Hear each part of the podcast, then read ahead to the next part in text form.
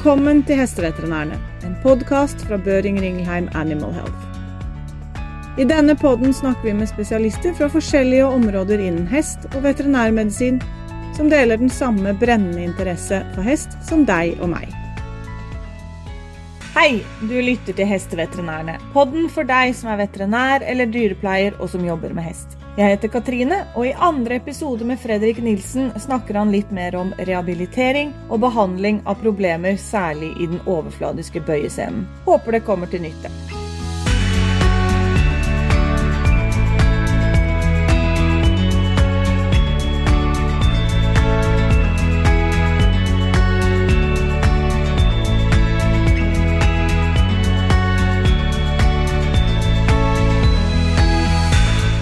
Hello and welcome to the second podcast about rehabilitation of tendon and ligament injuries. Uh, my name is Gorm Carson and I'm working for Boehringer Ingelheim and I still have the pleasant company of Frederik Nielsen uh, here today.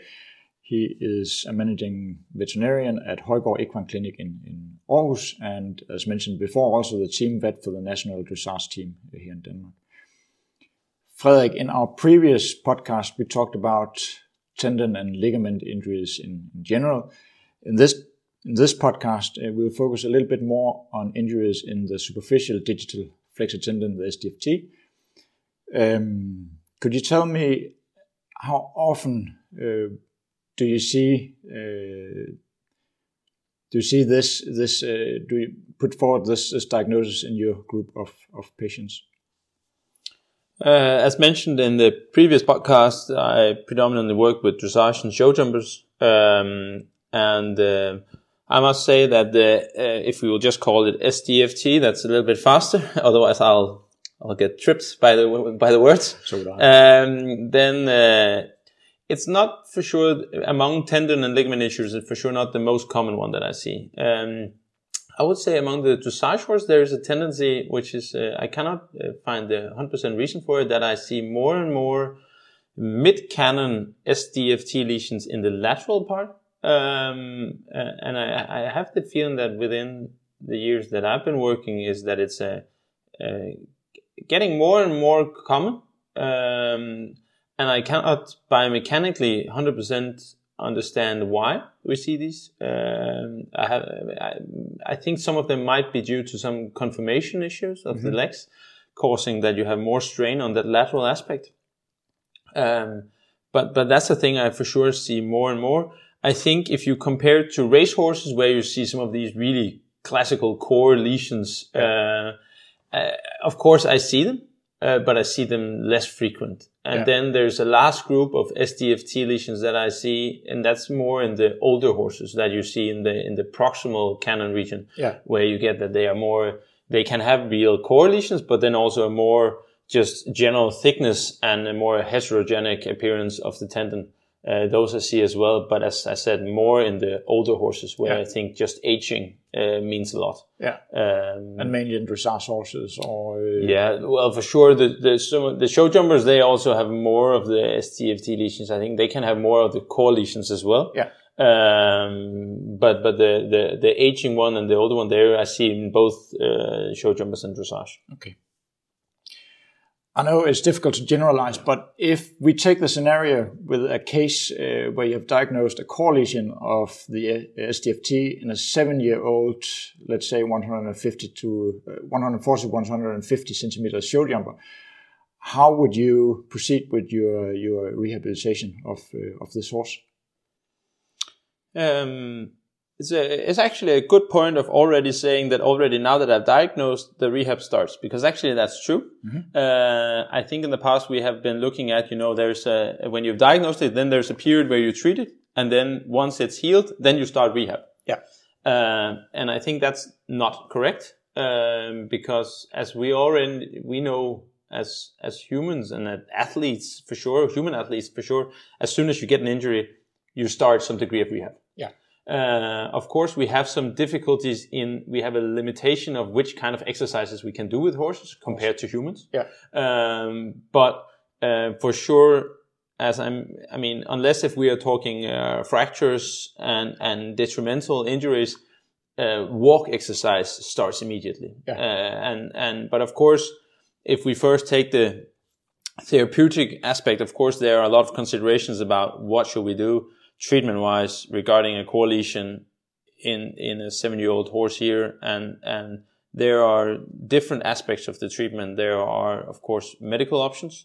We have uh, some other options like laser, um, um, light treatments, uh, magnetic treatments. Uh, at the first phase, not to forget uh, spa, cold water spa, to Yeah. to prevent further uh, enlargement of the injury, decrease the inflammation a bit, um, and and and for sure also, and um, um, in my opinion, also very important thing is also shoeing, uh, trimming, how we trim the feet, uh, how we shoe them, in order to to decrease loading on the tendon that's injured. So there are a lot of different therapeutic aspects to Yeah. be addressed.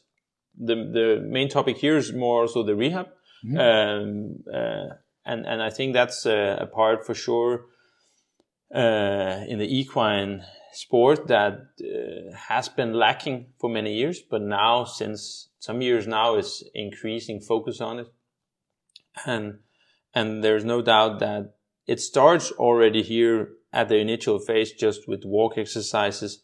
Try to keep the horse in general, also the, the holistic uh, aspect of the horse, to keep it as fit as possible during this period, because if I don't think you can prevent that. Of course, a top fit horse here, which will have a prolonged period without written work, that it will for sure have some uh, losing a bit of its muscle mass. But the more muscles and the more gymnastic you can keep the horse, the easier it will also be for the horse to go through a rehab. So the the old version of just leaving the horse in the field, doing nothing, making the horse Uh, losing all its muscles, being completely stiff, and and not even moving because we know a part of the healing of a tendon or ligament issue is also it healing is promoted by stimulation and stimulation is is caused by a, a controlled exercise. So so in walk exercise you're not just walking in order to keep the rest of the body good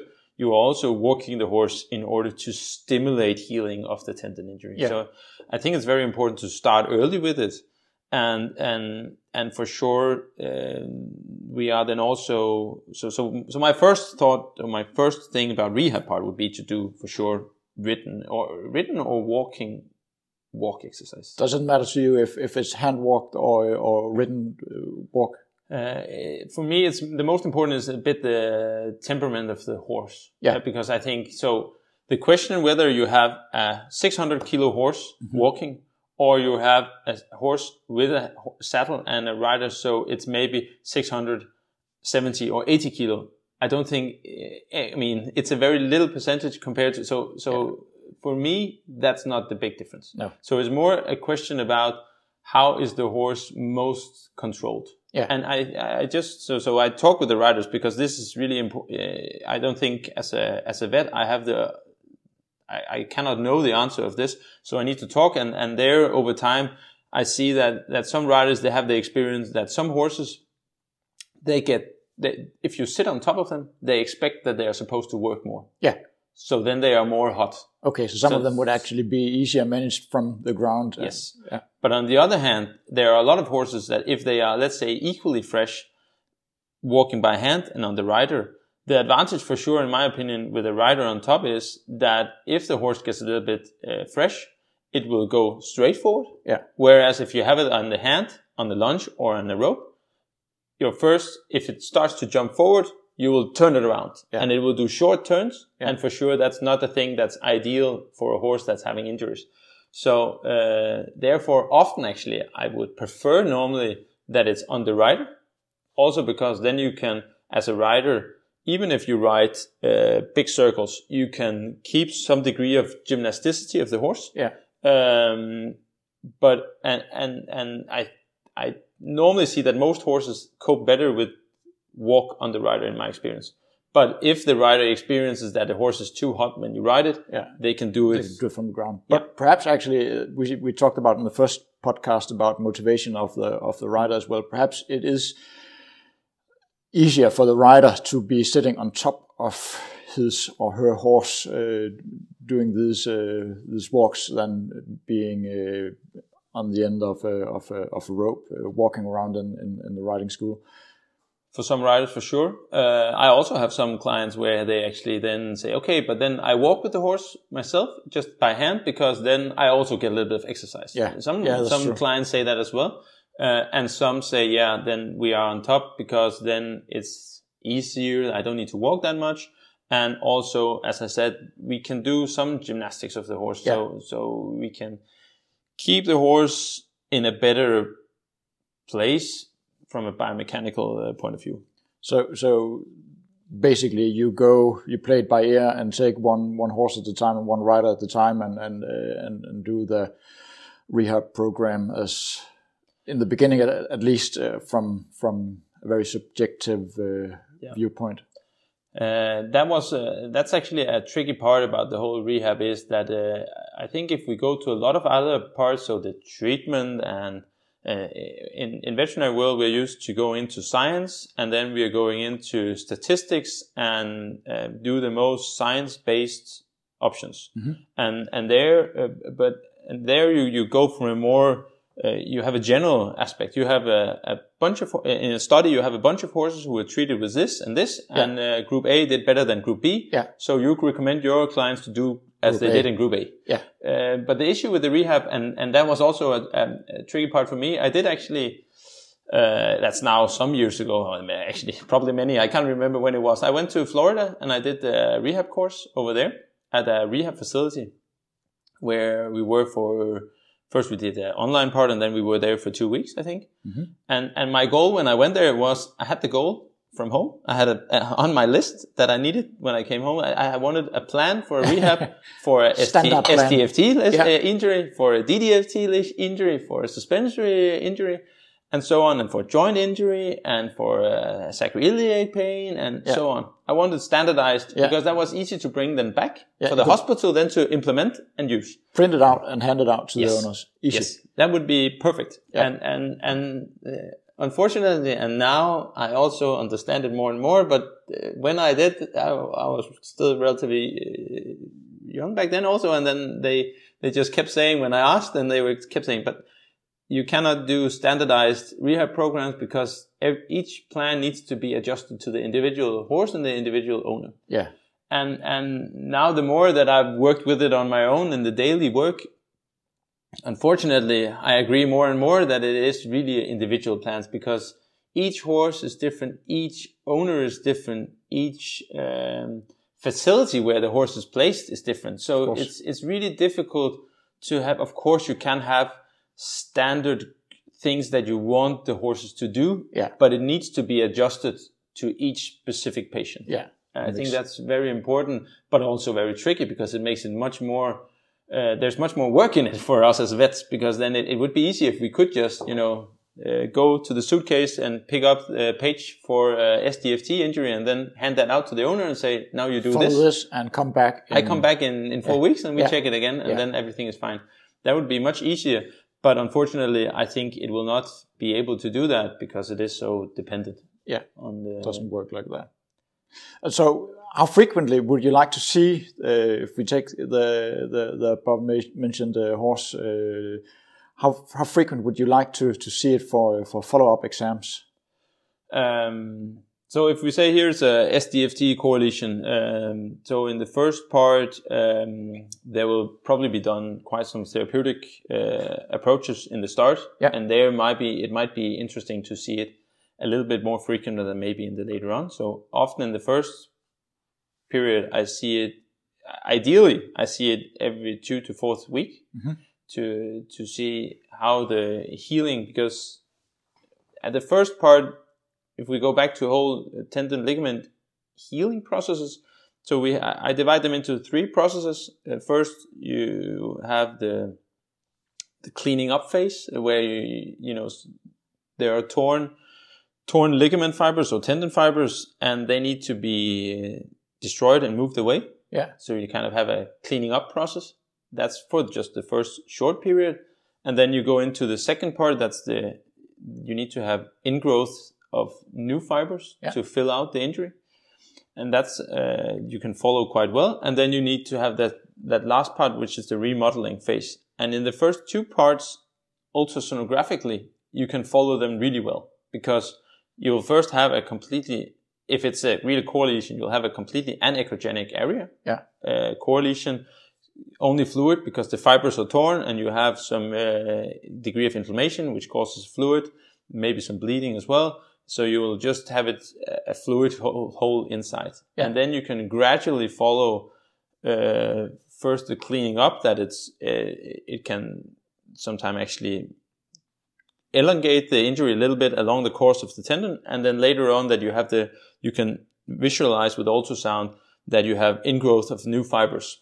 Um, and, and in that period, it's quite easy to follow ultrasonographically. So in that period, I find it very rewarding to follow them to see that you're on, on the regular right basis. Yes. Yeah. Also because if you, let's say after a month, uh, you don't have any progression, um, if you had waited for two months and you would be at the same place, why not just after one month? If you don't, if you don't have any positive progression, you need to reevaluate what have I done so far?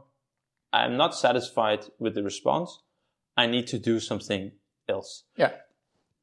And that's important. And, and there, if, if I would not do the check until after two months, I would lose a month already yeah, there. Yeah. Makes so, sense. so uh, of course, this is also a little bit depending on the owner. And so now I'm talking about the ideal, what I would prefer. But of course, it's also depending on how frequent does the owner want me to check it? Because of course, there's also economic aspect as well. But but normally I would say every two to fourth week in the in the first period, initial phase, and then uh, as we go further on, it's maybe more than every four to six week. Okay, uh, as a general rule. Yeah. Um, and that's for so the first what is then the first part that's until i consider the injury to be completely filled with new tissue. Yeah. New uh, tendon or ligament tissue. And then uh, so till that point it's every two to four weeks. Maybe it's more in the just first part every two weeks. And then every fourth week until we have reached complete healing with new tissue.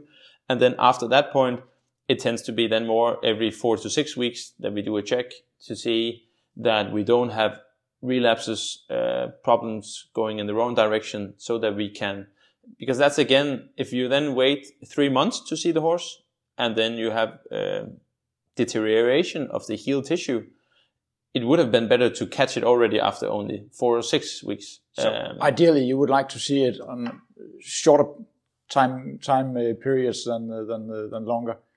Uh, for sure. There we can catch more of those going in the bad direction if we see them sooner than later. But of course, it is, as I said, dependent on the owner's wishes as well. Yeah, just out of interest, is on on, on the, the border of this uh, the topic today, which is actually rehab. Uh, but in the initial phase, what do you do? Do you use uh, non-steroidals, or do you just let the the horse uh, be on its own without uh, medical treatment? I know that some of our colleagues are are discussing uh, whether it's uh, an uh, advantage to use non-steroidals in, in, this initial two weeks phase right after the the happening of of uh, of the injury. What what do you do? What do you, would you recommend? Um, so normally when we see the very acute, uh, as we are speaking about now, uh, first of all, what I really see as a, a, a real advantage is uh, the cold water spa. I really, I really see that as a, it's really giving me a good response, uh, good responses. I, I think that we decrease the amount of injury, that it's not enlarging too much and we decrease the inflammation in a good way. So that's really a thing that I try to do as much as possible yeah. and get the owners to do. Uh, they are more and more, at least here in Denmark, you have more and more facilities with cold water spas. Mm-hmm. Uh, and in those cases where maybe the cold water spa is not possible, icing, um, going back to the old physiotherapy, cold water, uh, cold warm uh, therapy. Yep. I really believe in that. The the discussion about non-steroidals or not. Um, honestly, I, I, it depends a little bit on the degree of swelling, inflammation, also in the tissue around, and also the pain of the horse. Course, if the horse is uh, very painful, uh, so let's say it's such a big injury that it's even lame at walk. I do put it on non-steroids. Yeah. I put it on then uh, meloxicam more. I don't I don't go for some of the more stronger NSAIDs like uh, flunixin, but I go for for meloxicam normally for those. Um, and um but if let's say it's a case uh, where I see it, let's say normally I don't see it just after the injury. So if let's say I see it five days after, they have already been icing it for a period, and when I see it, it's walking completely normal. Um, it's a true core lesion, but I don't have a lot of peritendinous swelling around. Um, I don't necessarily put them on NSAID. Okay.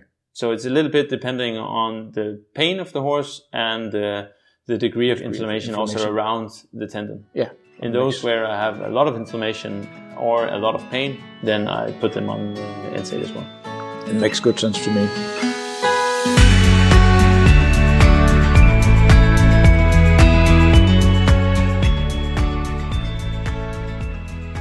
Um, what what criteria do you when, when you see the, these horses? Uh, you probably have been, been mentioning it already, but, but when you see these uh, these horses with core lesions in the SDFT uh, for for controlled follow up exams, what what do you use as criteria for going on to the next level of of uh, rehab? Is that you've mentioned you don't really use standardized uh, lists anymore, but is that completely by playing by ear, or have you uh, have you got any uh, list in your head, something you would like to see, something you would like to take off before uh, proceeding? Um, so it's uh, always depending on the combination of the clinical exam and the ultrasonographic exam and Yeah. the findings. So, um, so for sure, some of the important. So, I, I, I don't go. I don't start.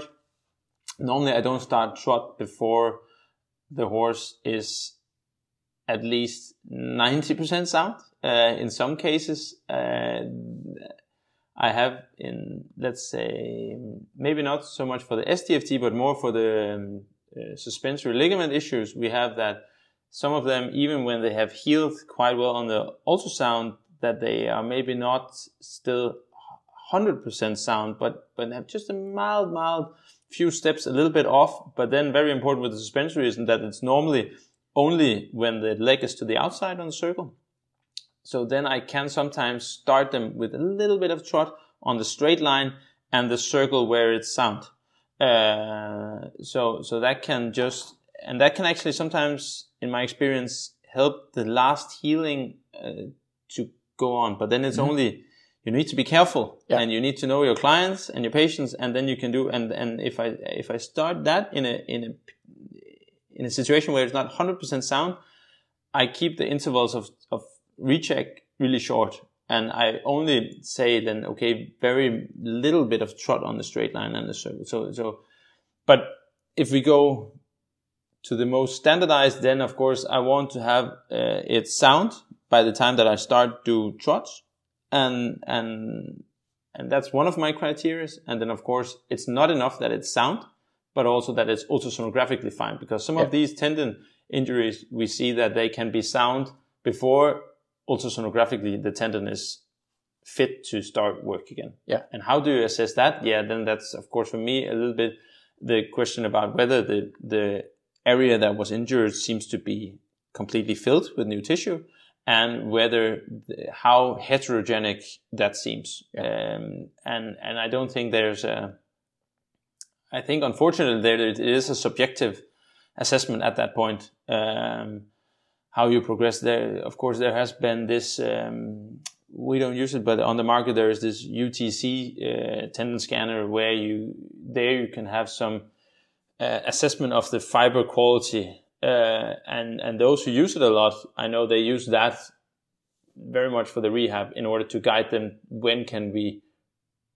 do more work. Yeah. Uh, so that's an option. Uh, we don't uh, personally. I've I've never used it. Uh, I, I rely much on my ultrasonographic findings uh, combined with the clinical findings, Yeah. and not only whether there was a sound or not, also whether it's painful at pressure and and and also the uh, peritendinous swelling. How much has that gone down? So there are more aspects uh, to the assessment, um, and and I know it would have been nice if I could just, you know, make straight criteria for when to go on, but it is really difficult and it is so individual for each horse. So, so, so, um, I hope this makes sense, but it's makes difficult to make, make really strict criteria. Yeah, makes good sense. So one of the hard questions, but one that's at least was top of mind uh, for, for my old uh, clients is when can you turn this horse out to a small in a small paddock, let's say 10 times 10 meters. Yeah. Uh, and that's, uh, I get asked that every time as well. Uh, and, and fair because, uh, and, and for me, it's again, like with the written, uh, the walk exercise written or by hand, it's so dependent on the horse. Yeah. So actually often at the initial phase, I often have to talk with the owner. How is this horse? um, because of course there's a big difference whether it's a four-year-old horse, which in the paddock will run around, mm-hmm. or it's a 13-year-old horse which is really calm and they know in the paddock as long as they feed it out there with hay, it's really easy going. Um, because if it is a horse that is, let's say, in 99% of the time calm, yeah, I actually often find it better to keep it going in the paddock during the whole period. Mm-hmm. Because mm-hmm. for sure, one thing with, I think we all see that is that if you stop having the horse in the paddock and then start again, that that start period when it starts to come out again, that's the tricky part yeah. where it will be Running over happy, bucking, uh, bucking around. Uh, so if you keep them in the same routines as they are used to, normally in a general perspective, they will be more calm. Yeah. So if it is a horse that when it comes to my clinic and I, and I do the diagnosis and I say, okay, it's having a core lesion in the SDFT, it has been, uh, this is a rather acute case, but it, let's say it's five days after it happened. Mm-hmm. In the five, past five days, they have actually had it in the paddock because it's a quiet horse. I tend to then continue with that. Yeah, let it stay up there. Yeah. But of course, in the other hand, if it's a young horse that's really wild and they say for sure, okay, if we put this out, it will jump around. Yeah. Then, then I would, and, and I know it's not ideal for maybe the welfare of the horse and, and, and all this, but I would, I would find it necessary to keep the horse more restricted because the horse is simply not able to to do what is needed for the injury. No. So we need to to keep it more strict and we need to keep it at box but then, of course, it's again then the question about because the horse needs to be eh, come out of the box and do other things.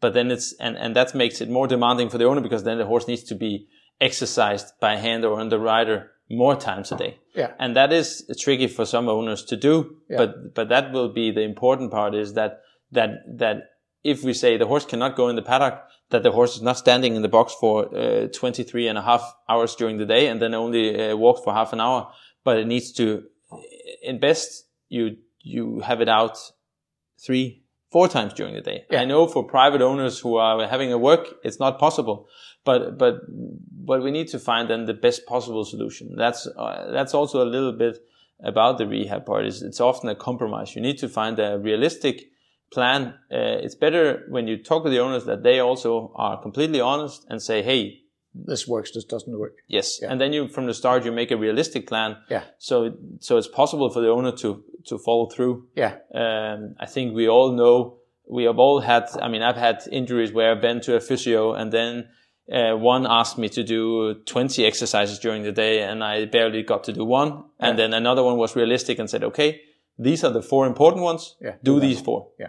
And then it was more uh, so, uh, and then I actually got to do the four because yeah. it was more realistic. Yeah. Uh, but even with the one with the 20, I didn't do more than one. Uh, so I think if you make the plan realistic, it also is more easy for the owner, the rider, uh, the groom to follow the plan. Yeah. Okay, it seems like the bottom line here is that you can not make a, a standardized standardized uh, plan for for uh, for all uh, SDFT uh, patients. You have to play it by ear and, uh, and, and look at the horse and the age of the horse and the temperament of the horse and the owner as well and the surroundings. So you put everything in, in uh, into play and, and make the best possible plan for for the individual horse. Indeed, yeah. And now we have not even talked about there are more. Uh, so when we come to the rehab, uh, since luckily it's been a bigger focus in the equine world, uh, we now have a lot of facilities offering. Uh, you know, the water, uh, cold water spa is one thing, but also the water treadmill, mm-hmm. normal treadmill, um, facilities where you do uh, proprioceptive training, walkover poles, and yeah. all these stuff, and, and and that's all really good things, but of course needs to be. It's it's very important for the owners to talk to the vets about it, and the vets to to go into the talk with the owners, so they so because otherwise, if we don't talk about it as vets, uh, what I see is that the owners they just do what they find good. Yeah.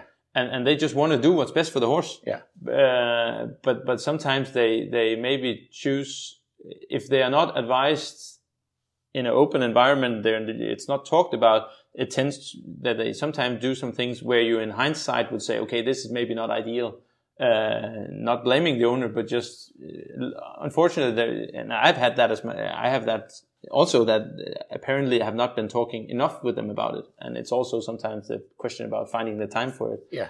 But uh, but we have many options during the rehab and and we should use it but use it in a wise manner. And, and then it's also very important to try to be in good community. If they go to rehab facilities, that you have really good contact with those places because it's also important for them to be uh, to know exactly what is the the injury. Yeah. In which part of the rehab are we? Are we uh, where are we in the the the healing part of the tendon, or are we in the remodeling part, or because then and then talk with them about which kind of exercise would be good, what might be too hard, and and and and uh, luckily most of these facilities, in my experience, they are very open minded and want to talk. Yeah, uh, and and that's very important um, to be open mm-hmm. and involve the whole group uh, around the horse. I mean, we are one part, we are the vet, but yeah. the owner, the rider, the groom, the farrier, the physio, the chiropractor, the rehab part. It's it's all the big circle, and and I know this is just it sounds flash, flashy to say, but it, it is truly a teamwork effort that needs to be put in to have the most ideal healing, the most proper rehab.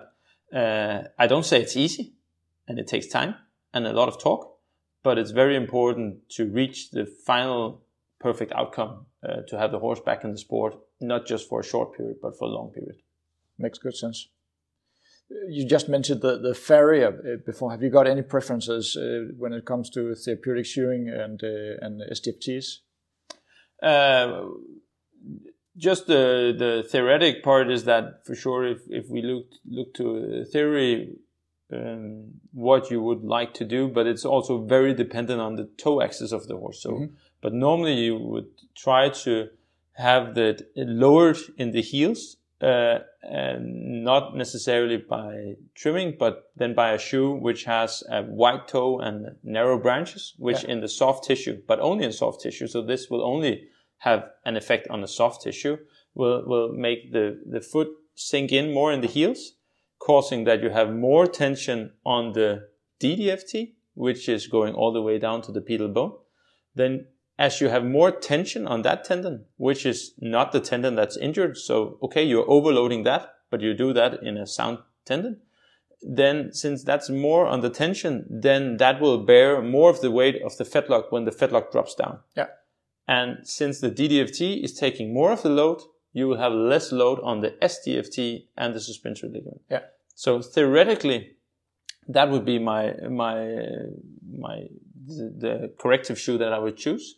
It's in most cases called a suspensory shoe. Yeah. Um, because it was predominantly made for suspensory ligament, but works also for SDFT lesions. But it's very important again here uh, that we look at the specific case because if the horse is already, let's say, very low in its heels yeah. and getting this injury, I don't think it it it adds forcing the heels even more down. No. So it's very important that you look at the foot and these most of these corrective shoeings are made for horses with a normal toe axis yeah. and with a good foot because also the, the quality of the horn uh, is also very important when we talk corrective shoeing. Uh, maybe not.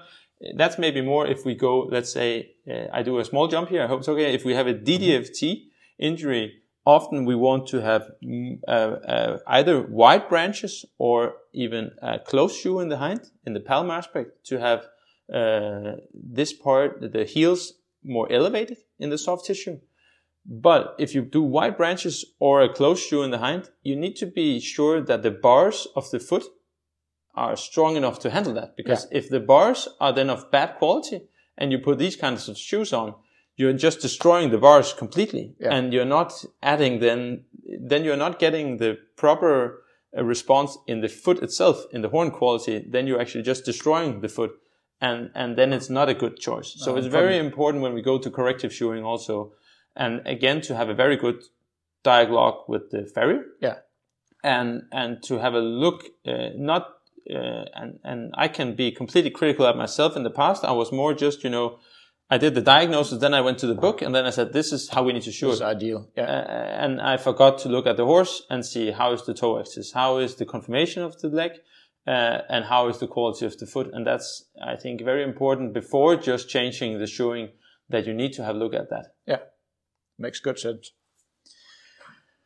So, ideally, if we go back to the before mentioned seven year old uh, show jumper with the uh, core lesion of the uh, SDFT, um, in the ideal world, if everything works out as it's supposed to, what's the shortest period you would uh, you would look at before this horse would start uh, competing again? Um, it's always a tricky question. It's always asked by the rider. uh, they always ask, "When can I compete again?" Yeah. Um, and I think uh, the time, uh, I think if you look at literature, let's say a big core lesion, you're talking a year, uh, because you need maybe six to nine months for the healing and then a slow rehab uh, once, uh, so it takes uh, nine, 12 months before you're back to, to normal level. Um, I must say that, that I, I do believe that we with the advances that we have in the diagnosis, in the uh, diagnostic imaging follow-up, and also the the some of the more modern uh, medical options that we are having to treat it, uh, and the good rehab, I do believe that we are able to short down this period more now than if you just look at the literature. I think we have more of these cases, not for all cases, and it depends of course, on the size of the injury. If yeah. it's, uh, we say it's a core lesion, but if, if is the core, is it a uh, 10% of the, uh, of the, the cross-sectional area or is it a 50%? Of yeah. course, that means a lot uh, on the time for it to heal because the healing phase, of course, if it's a smaller injury, the healing phase is quicker than if it's a bigger injury. Makes so sense. everything is dependent on the, again, it's, it is completely individual. individual but uh, I would say that in general, I I have the feeling that we are with the advances therapeutic wise, rehab wise, that we do see that some cases we bring back sooner to the sport than we did in the past. Yeah, that's good.